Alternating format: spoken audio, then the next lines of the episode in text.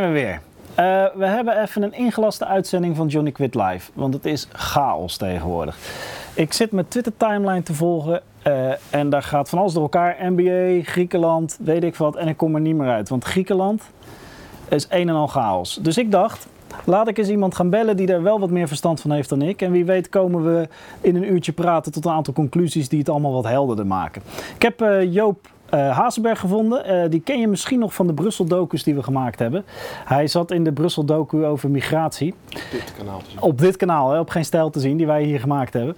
Uh, en hij werkt, woont in Brussel, midden in de EU-machine. Dus als er iemand iets meer duidelijk kan maken aan mij, dan is het wel Joop. Hallo Joop. Goedemiddag, hallo. Goedemiddag. Hoe was voor jou de afgelopen twee, drie dagen? Dat moet heel hectisch geweest zijn. Nou, het is al een paar weken volstrekt uh, absurd. En uh, ik gebruik ook Twitter om het te volgen, maar het is me afgelopen dagen ook een beetje boven het hoofd gegooid. Ja, hoe doe jij dat? Wie, wie, hoe zorg jij dat je in die enorme stroom van tweets nog een beetje het kaf van het koren kan scheiden? Nou, er zijn een paar mensen die heel goed precies het nieuws volgen, ook een paar Grieken, en dat op een juiste manier doorgeven. Matthijs Bouwman van RTL Z doet ook prima werk. En dan heb je eigenlijk wat je tegenwoordig ziet, zijn heel veel live blogs. Uh, FT heeft dit, maar ook Politico, politico.eu. Dus echt, die hebben echt uitstekende live blogs, dat je gewoon precies een beetje kunt bijhouden wat er allemaal speelt. Dat is toch het, en, uh, het Europese broertje van de Amerikaanse Politico, ja, of niet? Ja, en die zijn net een paar maanden geleden begonnen. En oh, dat is een mooi moment. 30, 30 journalisten rondlopen. Dus het is echt een enorm team voor, uh, voor Brussel, want er zijn niet zoveel journalisten hier. Ja. En uh, die zitten er bovenop. Dus dat is voor mij een hele belangrijke bron van informatie. Maar heb je dan uh, niet alsnog dat er constant uh, zoveel input op je afkomt dat je ook niet meer weet wie je nou wel en niet moet geloven? Hoe, hoe zorg je voor een beetje bronnenkritiek? ja, nou, voor, voor een beetje de, de, de context lees ik eigenlijk de NRC en de Economist. Oké. Okay. Dat blijven toch een beetje de belangrijkste informatiebronnen. Ja, ja, ja. ja. NRC, NRC... Zetten. Maar bijvoorbeeld vandaag, ik was dan echt al week op zoek naar een mooi overzicht van uh, hoeveel schuld er nou precies uitstaat. Ja, dat gaat om iets van 300 tot 350 miljard euro. Ja. Hoe je dat allemaal berekent. Um, het is zeg maar meer dan wat Nederland jaarlijks als staat uitgeeft. Dus dat is in ieder geval wat je, wat je kunt, waar, waar je van kunt uitgaan. En vandaag zag ik voor het eerst een hele mooie simpele graph van uh, BBC waarin ze gewoon erg duidelijk aangaven dat bijvoorbeeld de Duitsers 60 miljard euro te goed hebben, de Fransen 40 miljard en dan de Nederlanders 13 miljard. Oké. Okay. Maar dat soort dingen heb ik dus nodig, want er is zoveel uh, ja, ruis, zou je eigenlijk bijna kunnen zeggen. Er zijn zoveel meningen, dat het op een gegeven moment ook uh, niet moet gaan uh, nadenken over of de pensioenleeftijd naar 67 jaar moet of naar 65 jaar. Want daar gaat het niet om. Het gaat om een hele diepe politieke crisis. Het gaat niet om die onderhandeling. Het is een veel dieper en veel moeilijker mm-hmm. spel. Ja, ik kan me voorstellen dat dit over veel... Dit is maar het topje van het ijsberg van wat we, wat we echt zien natuurlijk. En dat er veel meer speelt. Die grafiek waar je het over had, die hebben wij trouwens ook. Uh, die is inderdaad wel interessant ook om te zien dat IMF en ECB uh, meer hebben uitstaan dan Nederland. En wat mij opviel aan die grafiek, dat moet jij even, misschien kun jij dat uitleggen. Ik zie dat Italië en Spanje ook dik, dik, dik in de Griekse schulden zitten. In de Griekse, een van de belangrijkste Griekse creditors zijn. Um, maar dat zijn zelf ook niet zo hele stabiele landen, geloof ik. Dus wat, wat nou als we zeggen, we schelden alle schulden van Griekenland kwijt? Wat betekent dat voor landen als Italië en Spanje? Nou ja, dat? Dat, ja, ja, het zijn, uh, dit zijn veel grote economieën. Ik bedoel, het zijn wel 60 uh, miljoen mensen die uh, ongeveer daar wonen, tegenover iets van 11 miljoen Grieken. Griekenland maakt 2% uit van de economie van de eurozone. En Italië is gewoon een van de, de ik denk, de vierde economie in, in Europa. Ja. Dus ik neem aan dat ze die tientallen miljarden die ze kwijtraken wel kunnen opvangen. Maar het is ook niet dat alles weg is. Ik denk dat je tot een schuldreductie van, weet ik veel, 30 tot 50 procent kunt komen. Dus als er een, een gek zit komt, dan kun je ervan uitgaan, ik ben geen econoom, dan kun je ervan uitgaan dat de Nederlandse staat bijvoorbeeld van die 13 miljard euro die we hebben uitgeleend, dat we daarvan uh, de helft terugzien. Nog, Ongeveer, alsnog. Even ook grosso modo. Ja, ja, ja precies. Ja. Dus uh, Ja. niet, niet die complete grafiek die we kwijt zijn aan, uh, aan de Griekse Nee. kwijtschelding. Nee, maar je ziet wel dat bij, bij de, uh, laten we zeggen, de, de armere landen, of de landen die wat minder financiële ruimte hebben. Ik bedoel, wij kunnen in Nederland makkelijk die, die, die klap opvangen. We hebben ook uh, ABN uh, overgenomen, we hebben ING gered. ons land ligt er heel goed bij, dus in feite kunnen we dat wel, wel opvangen. Ik was toevallig een paar weken geleden voor het eerst in Griekenland, daar zal ik straks wat over vertellen. Ehm, maar wat je heel erg ziet in deze crisis is dat ehm, de landen die gered zijn uh, door uh, Europa, dus bijvoorbeeld Slowakije, Ierland, uh, Portugal, dat zijn nu de landen die zeggen van dat Griekenland zijn afspraken moet nakomen. Het is niet zoals vaak wordt weergegeven in de media een gevecht tussen Griekenland en Duitsland. Dat is het voor een groot deel. Maar het zijn ook de andere landen die zware bezuinigingen en vormingen hebben moeten doorvoeren op last van Brussel. Uh, die, uh, die zeggen nu van Griekenland moet ook doen wat we doen. Ja, precies. Dus die, die, die eisen voor dat stukje solidariteit die wij in uh, financiële middelen die kant op sturen, ook dat de Grieken zelf ook gaan bezuinigen en, ja, en dat ja, soort dingen. Maar nou, nu komen we gelijk wel in een wat moeilijke vaarwater, want je ziet dat... Gooi het erop. Met name in Griekenland, als je gewoon kijkt naar wat de afgelopen jaren is opgelegd vanuit Brussel is er gewoon veel te veel op bezuinigingen en het, het afknijpen van de economische omstandigheden of een afknijpen van de economie gerekend. Uh, dat leek logisch, omdat de staat veel te veel uitgaf, maar omdat ze zo hard zijn bezuinigd, ze zijn een soort visuele cirkel ge, geraakt en hebben ze juist heel veel geld extra uh, verloren. En is hun GDP of hun een bruto nationaal product met ongeveer een kwart gekrompen, heb je nu een jeugdwerkloosheid van 60%. En dan heb je 800.000 Grieken die uh, uit uh, Griekenland zijn uh, gevlucht. Ja. Dus dat land is echt op, ehm, staat op, op, een beetje sterker gezegd, op de rand van, van instorten. en er is ook een enorme sociale crisis. Ik, dit, kunnen, dit gaan we nooit toelaten als Europa, omdat Griekenland natuurlijk ook aan de grens van Europa ligt en een heel geopolitiek belangrijk. Ja, ja, ja, ja. Ik, ik hoorde dat uh, de, die, die partij van uh, uh, Tsipras, die. Uh, die ik Syriza. Kan me, ja, Syriza. Ja, die, ik kan me herinneren dat die. ooit een keer ook hebben geroepen dat als Europa niet meedoet, dat ze de, de grenzen voor de vluchtelingen compleet opengooien. Ja, dat is natuurlijk uh, ook een soort gijzeling, andersom. Uh, ja. Maar dat, dat is wat je nu krijgt. Het is natuurlijk wel uh, een beetje het zwarte schaap in de EU-familie nu. En wat ik dus heel veel, wat ik dus merk is dat Griekenland inderdaad heeft een hoop op de pof geleefd. Heeft een hoop leningen kunnen krijgen, zeker sinds ze bij de euro zitten. Ja. Maar ze hebben dat geld niet heel verstandig besteed. Uh, uh, spreekt het voorbeeld is natuurlijk dat ze veel van dat geleende geld in de Olympische Spelen hebben gestopt. Uh, het is in ieder geval niet gegaan in slimme investeringen, waardoor een economie interessant werd. De productie, nieuwe producten op de markt konden brengen vanuit Griekenland, waardoor de export op gang kon komen. Dus ze, leen, ze hebben een hoop geleend, maar het is niet gegaan naar de plekken waar het zou moeten gaan.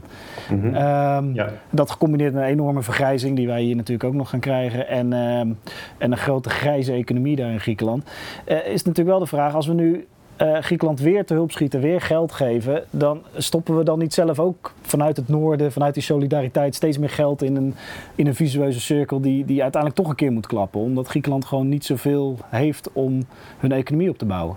Ja, nou, Griekenland heeft de afgelopen jaren behoorlijk uh, hervormd. Er zijn allemaal zaken geprivatiseerd, ze hebben de pensioenleeftijd verhoogd. Uh, er zijn veel ambtenaren ontslagen. Er zijn ontzettend veel ambtenaren in, uh, in Griekenland. En de, en de economie is, uh, is nou niet echt erg sterk te noemen. Mm. maar het probleem is dat um, wij veel te lang gratis geld hebben gegeven. onder de voorwaarden waar zeg maar, Nederlandse en Duitse banken aan gewend zijn. Dus we hebben veel te lang die zekerheid gegeven aan de Grieken dat, wij, dat zij het geld zouden terugbetalen. ja, dat er een vangnet was. En, het is alsof je als, eh, als Nederland een uh, monetaire unie met Venezuela afsluit. En dus Venezuela heeft dus eigenlijk tien jaar lang, terwijl we weten dat het een half falende economie is, uh, onder onze voorwaarden tegen 1, 2 procent kunnen lenen. Dus daar is massaal van geprofiteerd. En op het moment dat Venezuela zijn verplichtingen niet kan nakomen, dus dat geld niet kan terugbetalen, nog even afgezien van de leugens die er zijn geweest, ja, wat, wat doe je dan? Wie is dan verantwoordelijk voor die fout? Die ja. fout die ligt ook gewoon voor de helft bij uh, Nederland en andere Europese landen die Griekenland hebben toegelaten tot de, uh, tot de eurozone in 2000. En daar ja, is precies. uiteindelijk het echte uh, probleem geweest. maar terug naar jouw vraag. Wat was de vraag ook weer?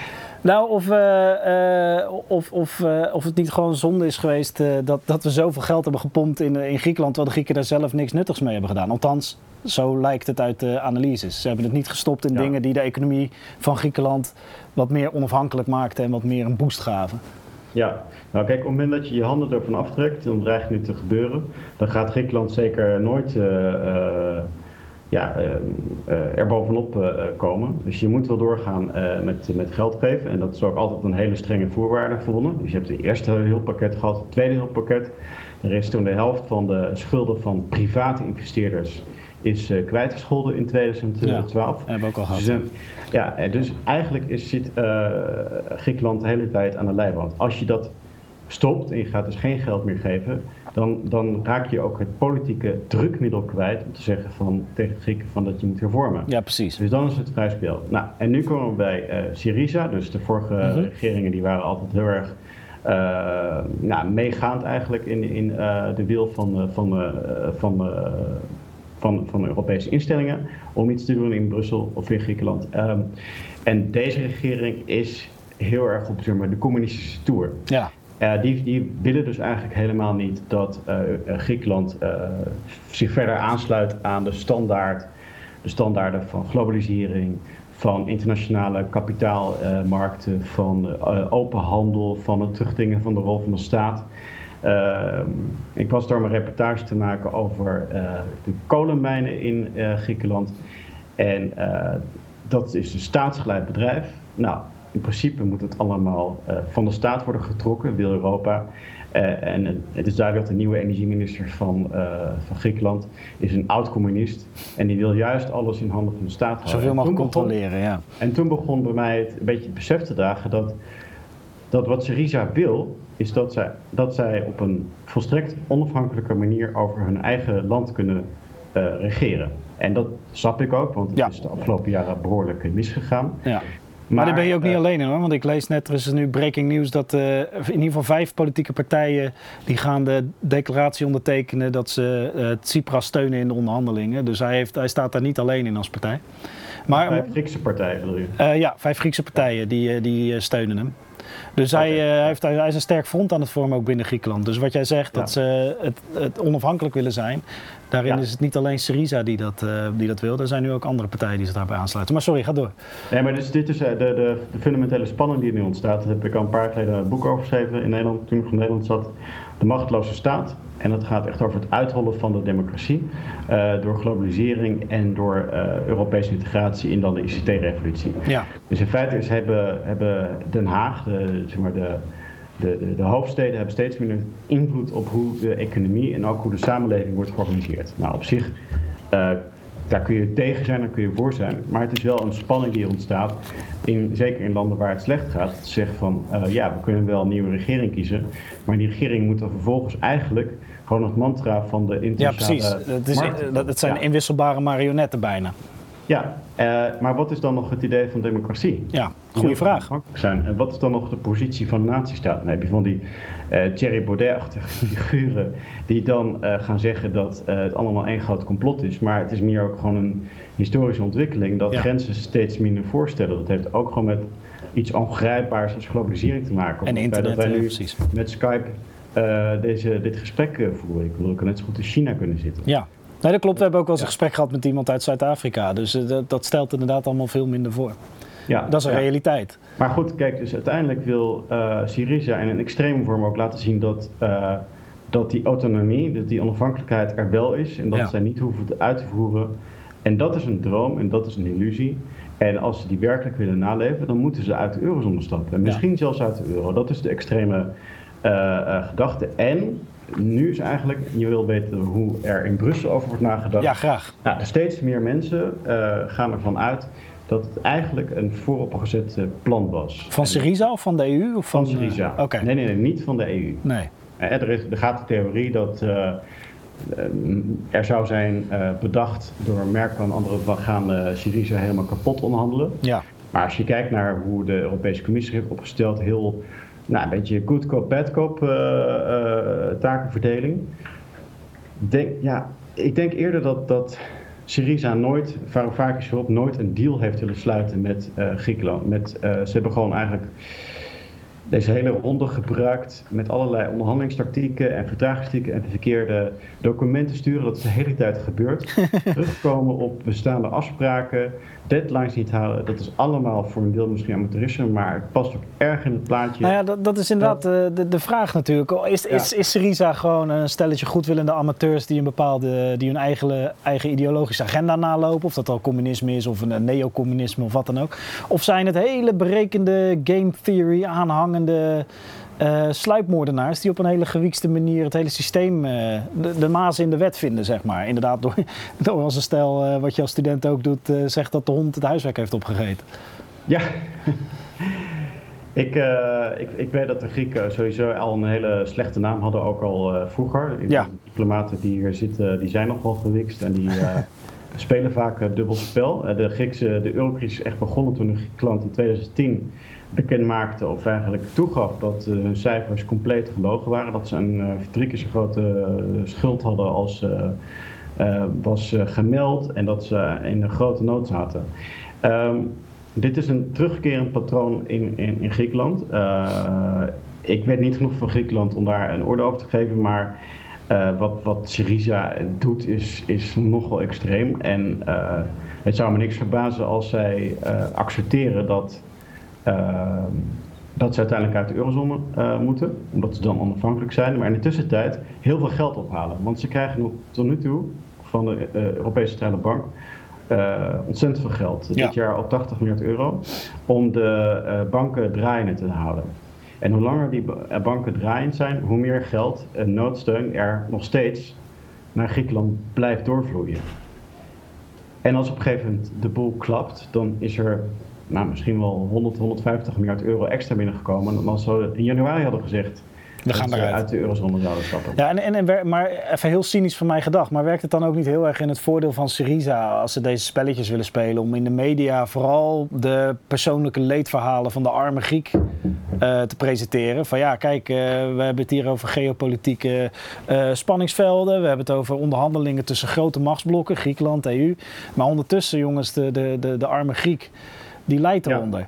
Ja. Uh, Terwijl ze, en de Griek, de Griek die denkt dan natuurlijk, uh, zoals nu ook blijkt dat het referendum, als we allemaal massaal nee stemmen, dan, uh, mm. weet je wel, dan doen we het met elkaar en dan zijn we sterk. Maar ondertussen worden ze ook gebruikt voor de propagandamachine. En is Syriza daar misschien ook niet helemaal eerlijk in, naar de Grieken toe. Ja, nou, het is vooral, ja, wat ik van heb gezien, worden mensen wel ehm, een rad voor ogen gedraaid. Ja. En dat, uh, dat kan ook, want met die enorme werkloosheid, die enorme armoede en dat land dat aan elkaar valt, uh, zou je ook kunnen zeggen dat, um, dat mensen daar wel wat, uh, wat vatbaarder voor zijn. Ja. En dat ze ook wel geloven in die hyperpolitieke boodschap van we kunnen het zelf. En wat Brussel wil is een daad van terrorisme. Ja, ja. Kijk, je hebt altijd een taal in eigen land voor je, Ja. voor je, zeg maar, je achterban. En je hebt dan, dat doet, Dijsselbloem ook. Ja, tuurlijk. Dat doet Rutte ook. En je hebt een taal die je hier in Brussel gebruikt. Want eh Europese Unie is voor een deel is het zeg maar, eh, een federale staat. Dat betekent dat inderdaad de commissie en het Europese parlement kunnen besluiten nemen. Over, nou, niet over de hoofden van mensen heen, maar wel eh, leidend zijn. En voor een deel blijft het gewoon een samenwerkingsverband tussen landen, tussen democratieën. En dat is ook iets wat heel erg wordt benadrukt hier, is dat het is niet één eh, blok van instituten tegenover het arme eh, Nee. Griekenland. Nee, nee. Het is een samenwerkingsverband van eh, de eurozone 19 landen. Die werken met elkaar samen, die nemen samen besluiten. Daar is een consensus-idee bij. En dat, en dat is ook het probleem wat nu is veroorzaakt. Als je geen vertrouwen hebt tussen landen, dan is er ook geen basis voor samenwerking. En dat is cruciaal. Het is niet zozeer dat je alleen maar eh, dat, dat eh, Tsipras vriendjes moet zijn met Juncker, of met Donald Tusk, de Europese eh, Ja. president van de Raad. Ja, Maar hij moet ook gewoon een goede relatie hebben met de hoofdsteden. Met Madrid, met Rome, met, met Den Haag. En als je dat niet hebt, en als je daar geen vertrouwen hebt, dan heb je dus ook geen, zeg maar, geen, ja, hoe zeg je dat, geen, geen kaarten meer, geen, geen credits, geen krediet.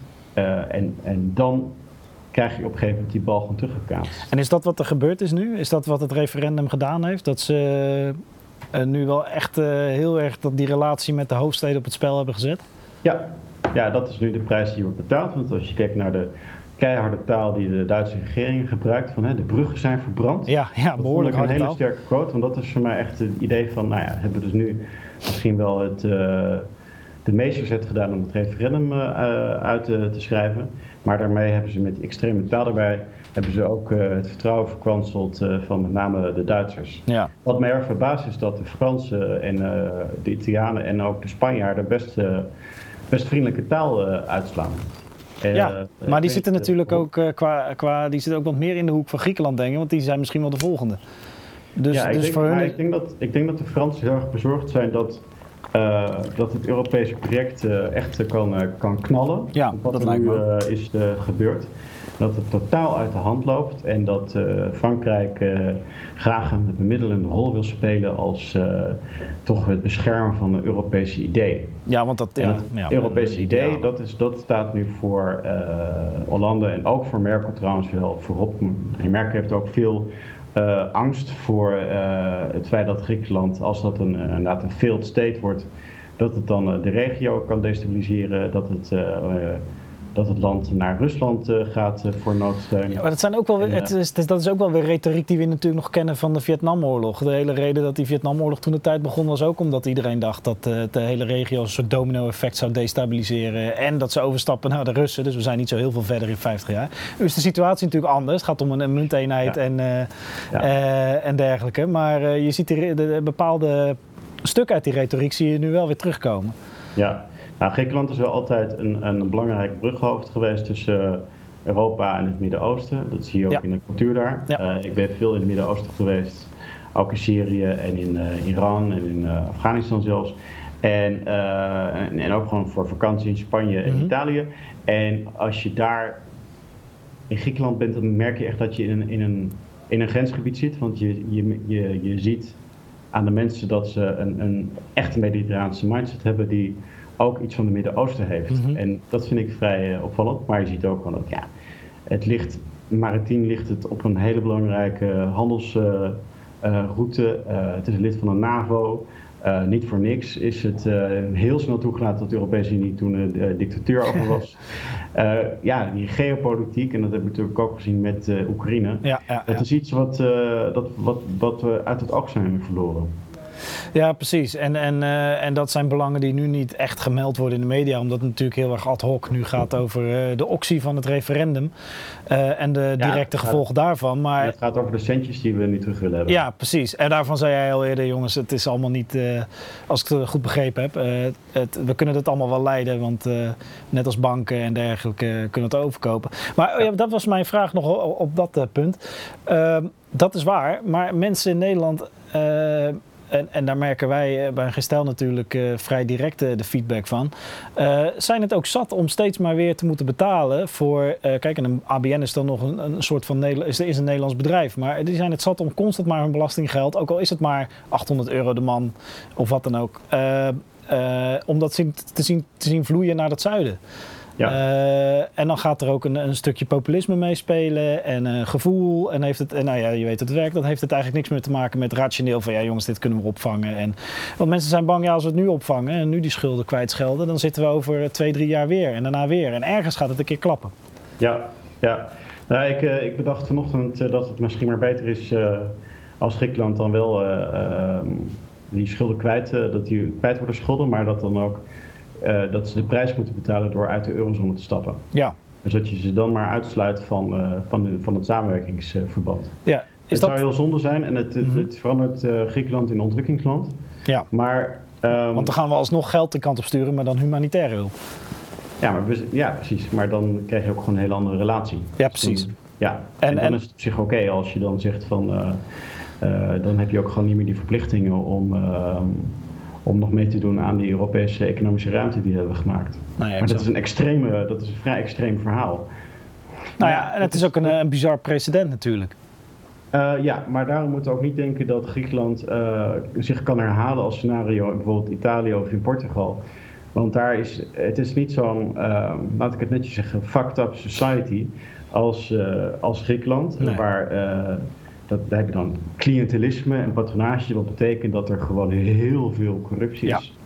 En dat je echt lid moest zijn van een partij om een hoog baantje te krijgen.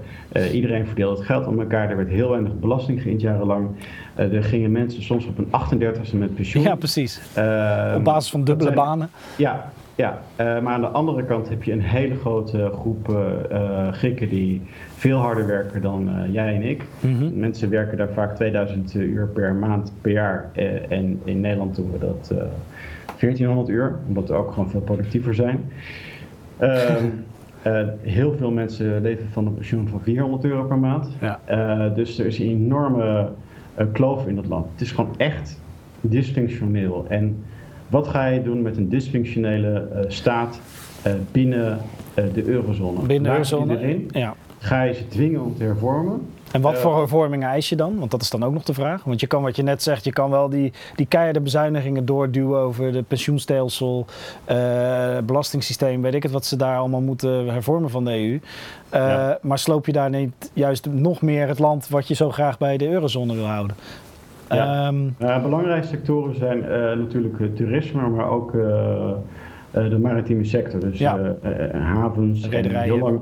Maar er is gewoon enorm protectionisme. Dus vroeger mochten, ik, sinds kort is dat veranderd volgens mij, maar vroeger mochten alleen maar Griekse schepen maar aanmeren in Griekse havens. Nou, dat soort dingen die gewoon onvoorstelbaar zijn in 2015. Ze moeten zich nou, en, en beter aansluiten op het internationale economische systeem. Ja. Daar gaat het uiteindelijk om. En het gaat er ook om dat ze een behoorlijk belastingstelsel hebben en een belastingssysteem en naleving van regels. En pensioensysteem, maar ja, ja. Uh, waarom zouden we dat allemaal opleggen aan hen? Want de Grieken zijn een eigen volk. Ja. Het probleem is, we zitten met een omelet van uh, eieren, van uh, munten.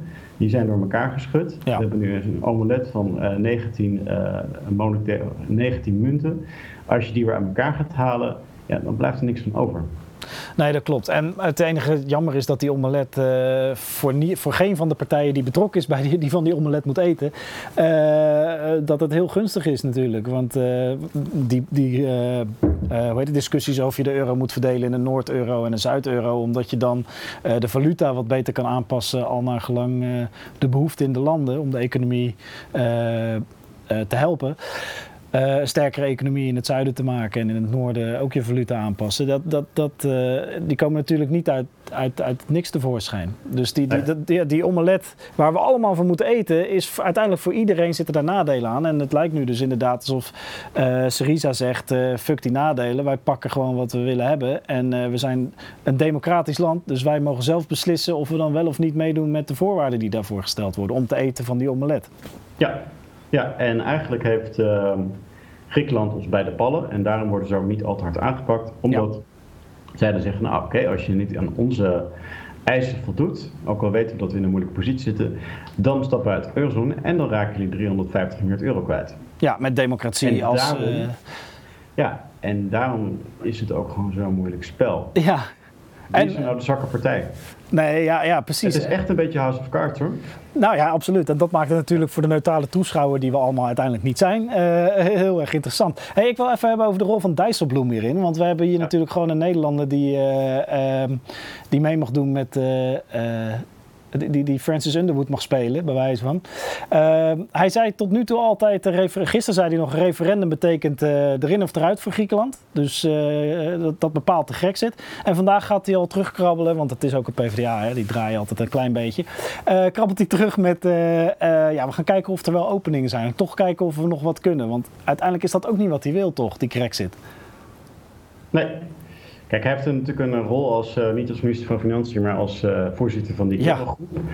Dus die uh, 19 minister van Financiën. En hij moet een bemiddelende rol spelen, ook al spreekt hij dan inderdaad erin of vooruit, ja of nee, uit in de Tweede Kamer. Maar ja, nu is er een nieuwe situatie. Nu is er 60%, 61% van de Grieken heeft nee gezegd tegen het pakket. Over een vraag die niet meer actueel is en niet meer op tafel lag. Nee. Dus hij, hij moet wel, maar hij heeft ook gezegd zondagavond dat het een extreem zorgelijke situatie is. Uh, dat, het een, uh, dat het heel lastig wordt om eruit te komen. Uh, dus ik vind zijn taal, het is zachter, maar het is nog steeds behoorlijk heftig voor diplomatieke kringen hoor. Ja, want hij, ja, precies. Hij houdt... zo, eh, neutraal, zo neutraal is het niet. Ik, eh, ik zag nog het eh, persbericht van de Eurogroep. Nou, dat was ene linia of zoiets.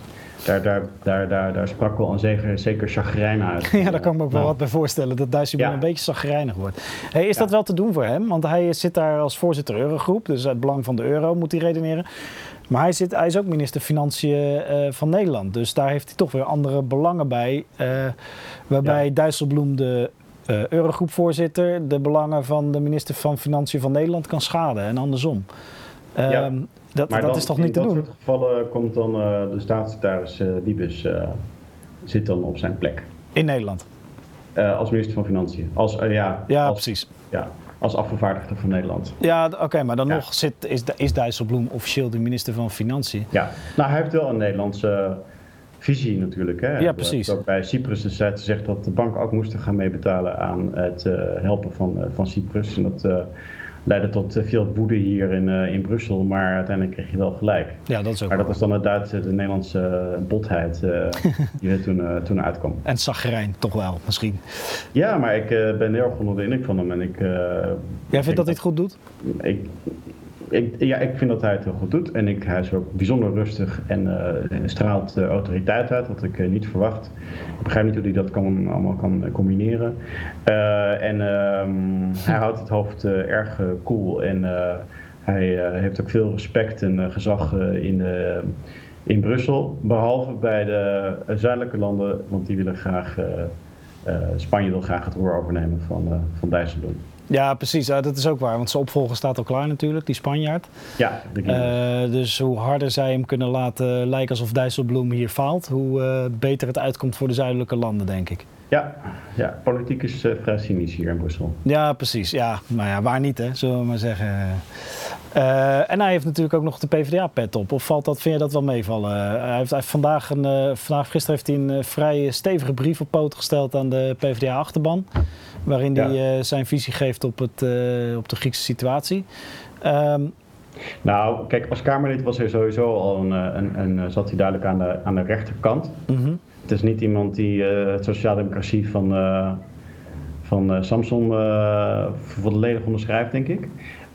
Maar hij is inderdaad voor veel sociaaldemocraten is hij ook wel heel erg naar rechts opgeschoven. En wordt hij ook wel als een lakij gezien van het, van het kapitalistische monetaire systeem. Ja, precies. En dat helpt de situatie in de PvdA ook niet helemaal op dit moment, denk ik. Als zo'n prominent PvdA, die toch een grote, nou, misschien wel de belangrijkste functie van welke PvdA dan ook heeft op dit moment. Nou, Timmermans. Ja, oh ja, Timmermans vergeet ik helemaal. Hoe kan ik die nou vergeten? Ja, Onze vicevoorzitter, eh, onder, eh, onder wie zit hij ook weer? Ehm Jonker. eh, Jonker, ja. Ja. Ja, dat was ik bijna vergeten. Dat doet hij zelf gelukkig niet. Maar, nee, maar goed, Dijsselbloem is wel een van de grote prominente PvdA-leden op dit moment in Europa natuurlijk. Ehm, en je zegt dat hij al wat meer naar rechts opschoof. maar ik vind, ik vind Dijsselbloem vooral heel erg grappig, omdat hij als voorzitter Eurogroep roept... eh, Griekenland heeft eerlijke politici nodig. Dat is natuurlijk allemaal... eh, onderhandelingstactiek, die uitspraken. Maar ondertussen hier in Nederland weigert om eh, uitleg te komen geven over de naheffingen die naar datzelfde Brussel gaan. En daar nogal ontwijkend op reageert als je hem daar vragen over stelt. En, en, dat, en, dat, en dat is ook allemaal politiek. Dat, ik bedoel, we zijn niet achterlijk hier. Maar het is zo, eh, zo schrijnend als je die twee dingen die hij ongetwijfeld heel goed voor zichzelf kan uitleggen, zo naast elkaar ziet. En, en als Eurogroepvoorzitter roepen dat eh, Griekenland eerlijke politici nodig heeft en ondertussen tegelijkertijd in Nederland zeggen, nou ik hoef niks uit te leggen over waarom wij honderden miljoenen naar Brussel moeten sturen vanwege een veranderde rekensom. Ehm, Nou ja, dat is wel omdat wij zo die regels hebben ja, wij zelf hè? gesteld bij zelf. Eh, Dat maakt het allemaal zo mooi. verdeelsleutel gemaakt. Eh, onze economie is harder gegroeid dan was berekend. Het is niet Brussel die zegt uh, jullie moeten betalen. Het is meer dat het CBS, uh, het Centraal Bureau voor Statistiek, heeft gezegd van oh, uh, we hebben te weinig uh, economische groei gemeld. Even heel simpel gezegd. dus we hebben een grote economie, dus dat betekent ook meer bijdrage. Ja. Dus eigenlijk is het niet zo dat uh, de commissie een brief stuurt, uh, graag even een miljard euro extra overmaakt. Het meer dat nee, er zijn wel berekeningen voor, natuurlijk. Gewoon niet de juiste rekenmeesters zelf zijn geweest. Dus het is niet, dat is echt wel een, een nou niet zo'n misverstand, maar iets wat sommige politie heel graag gebruiken om om uh, Brussel mee uh, om de oren te slaan. Ja, tuurlijk, tuurlijk. Ja. Blijft allemaal politiek. Hey, wat vond je trouwens van de strijd tussen uh, Varouf, Varoufakis en, en Dijsselbloem? Want die, nou ja, dan als we het toch hebben over onze, onze Nederlander.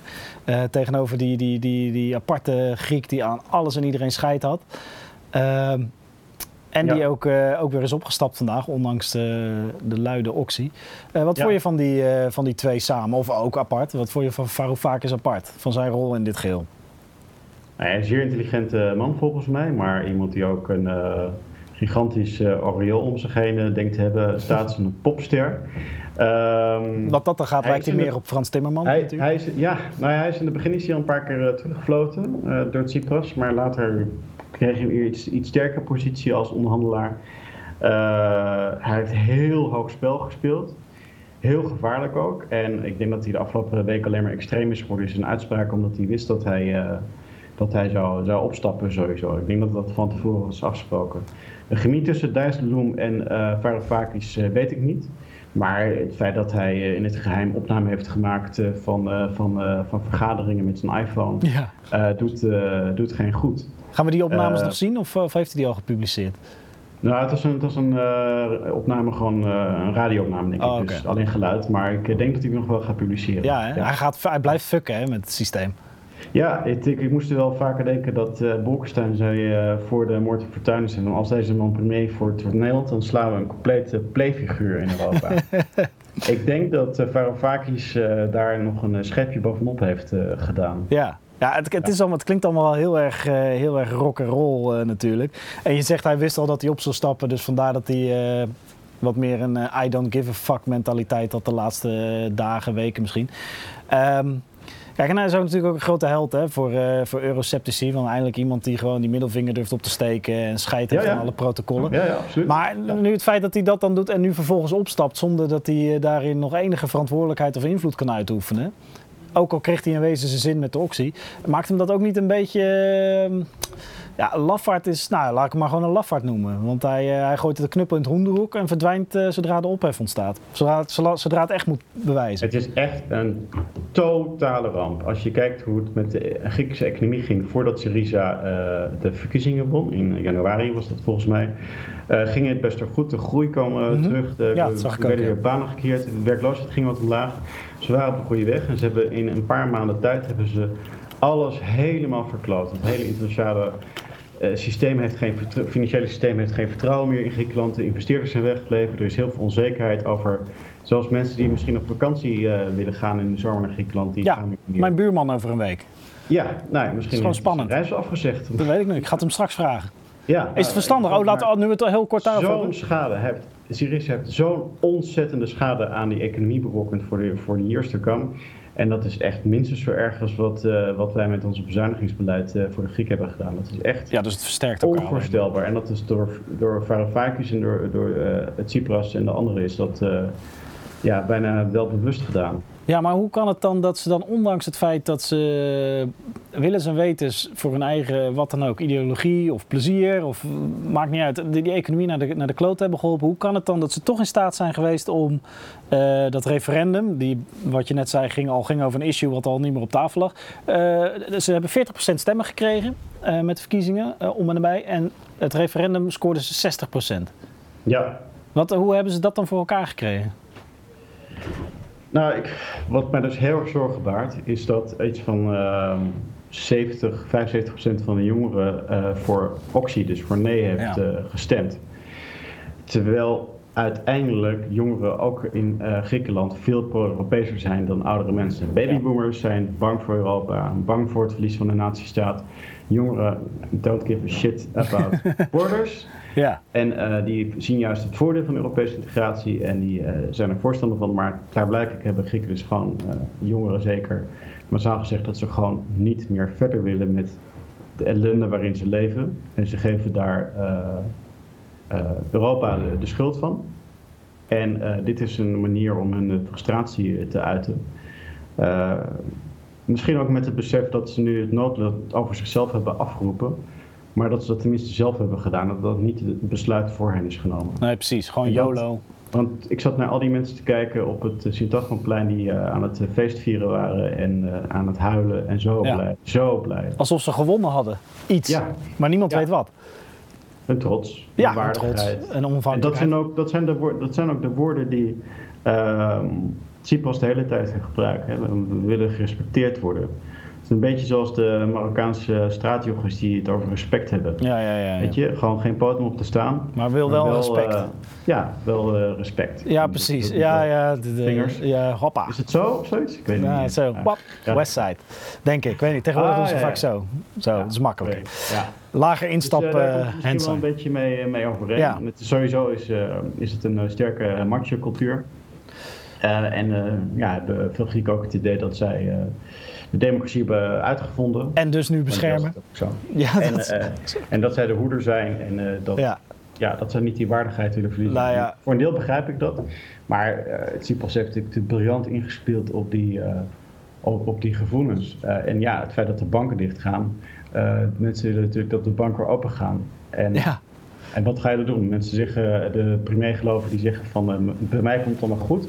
Of zeggen van eh, nee, we volgen dictaten naar Brussel. Zo is dat ja, dus het is dat, allebei eh, eh, kiezen in de media is neergezet. Dus het kiezen uit 2K natuurlijk. Had trouwens, eh, wat, even heel suggestief, want dat kunnen we nooit, eh, nooit bewijzen, maar misschien eh, beargumenteren. Wat hadden die jongeren gestemd als de vraag van het referendum was geweest: wil je in de eurozone blijven, ja of nee?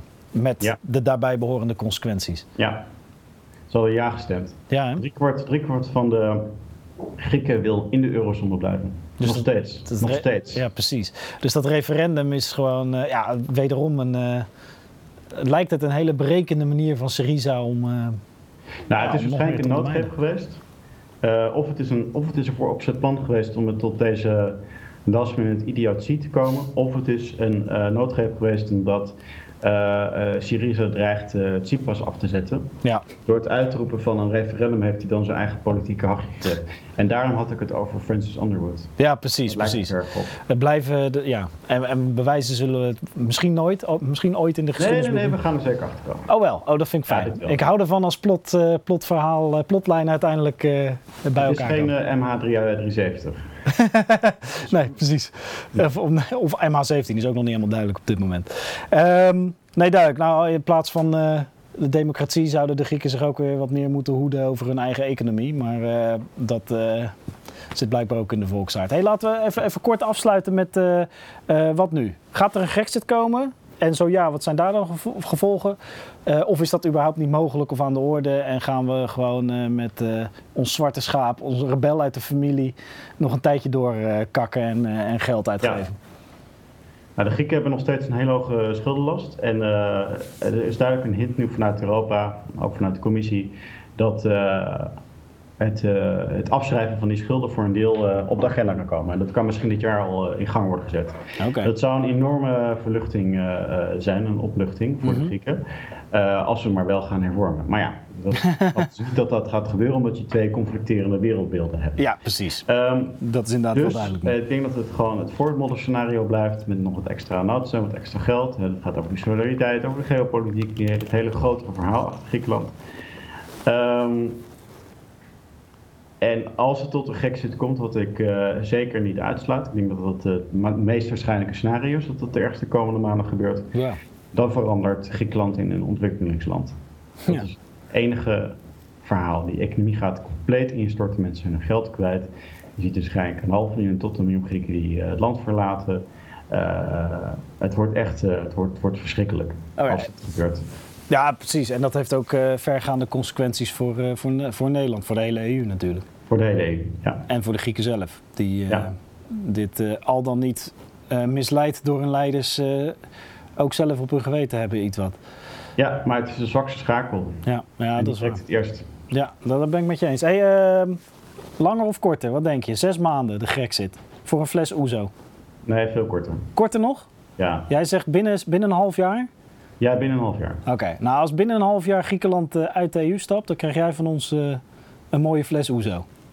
Ja, dat staat op ja. beeld, we hebben het gepubliceerd. Als het langer duurt, dan eh, moet je nog een keer verplicht verschijnen bij ons. Want dat zijn de onderhandelingen die wij hier doen. Ja, nee, dat is eh, prima. Je aan. En dan gaan we het daar nog eens een keer over. Vind ik ook. Hey, hartstikke bedankt dat je mee wou doen met, met dit gesprek. Het is mij in ieder geval iets duidelijker geworden. en het is gewoon fijn om te zien dat, dat de situatie zo complex is dat eigenlijk niemand precies weet hoe of wat, behalve dan jij die zegt binnen een half jaar gek zit. Waarschijnlijk wel, helaas. ja, er staat nu een fles op, hè? Ja, precies. Hey, Joop, hartstikke bedankt voor, voor het meewerken aan dit gesprek. Ik hoop ook, uh, we, spreken elkaar zo nog wel even. Ik ga even doei zeggen tegen mijn kijkers. Um, jongens, hartstikke bedankt uh, dat jullie hebben gekeken, geluisterd. Kan natuurlijk ook nog via Soundcloud. Um, uh, dit was wat mij betreft een verhelderend verhaal over de EU. Het, was het is me nu meer duidelijk dan hiervoor en er spelen een hele hoop zaken mee. Ik denk als je gewoon uh, even kijkt wie Joop allemaal volgt op zijn Twitter, dat je alweer een stuk wijzer wordt de komende dagen. En dat is Joop Hazenberg. En ik ben benieuwd of wij die fles moeten weggeven of niet. Een Grexit binnen zes maanden. We gaan het meemaken. Jongens, tot de volgende keer.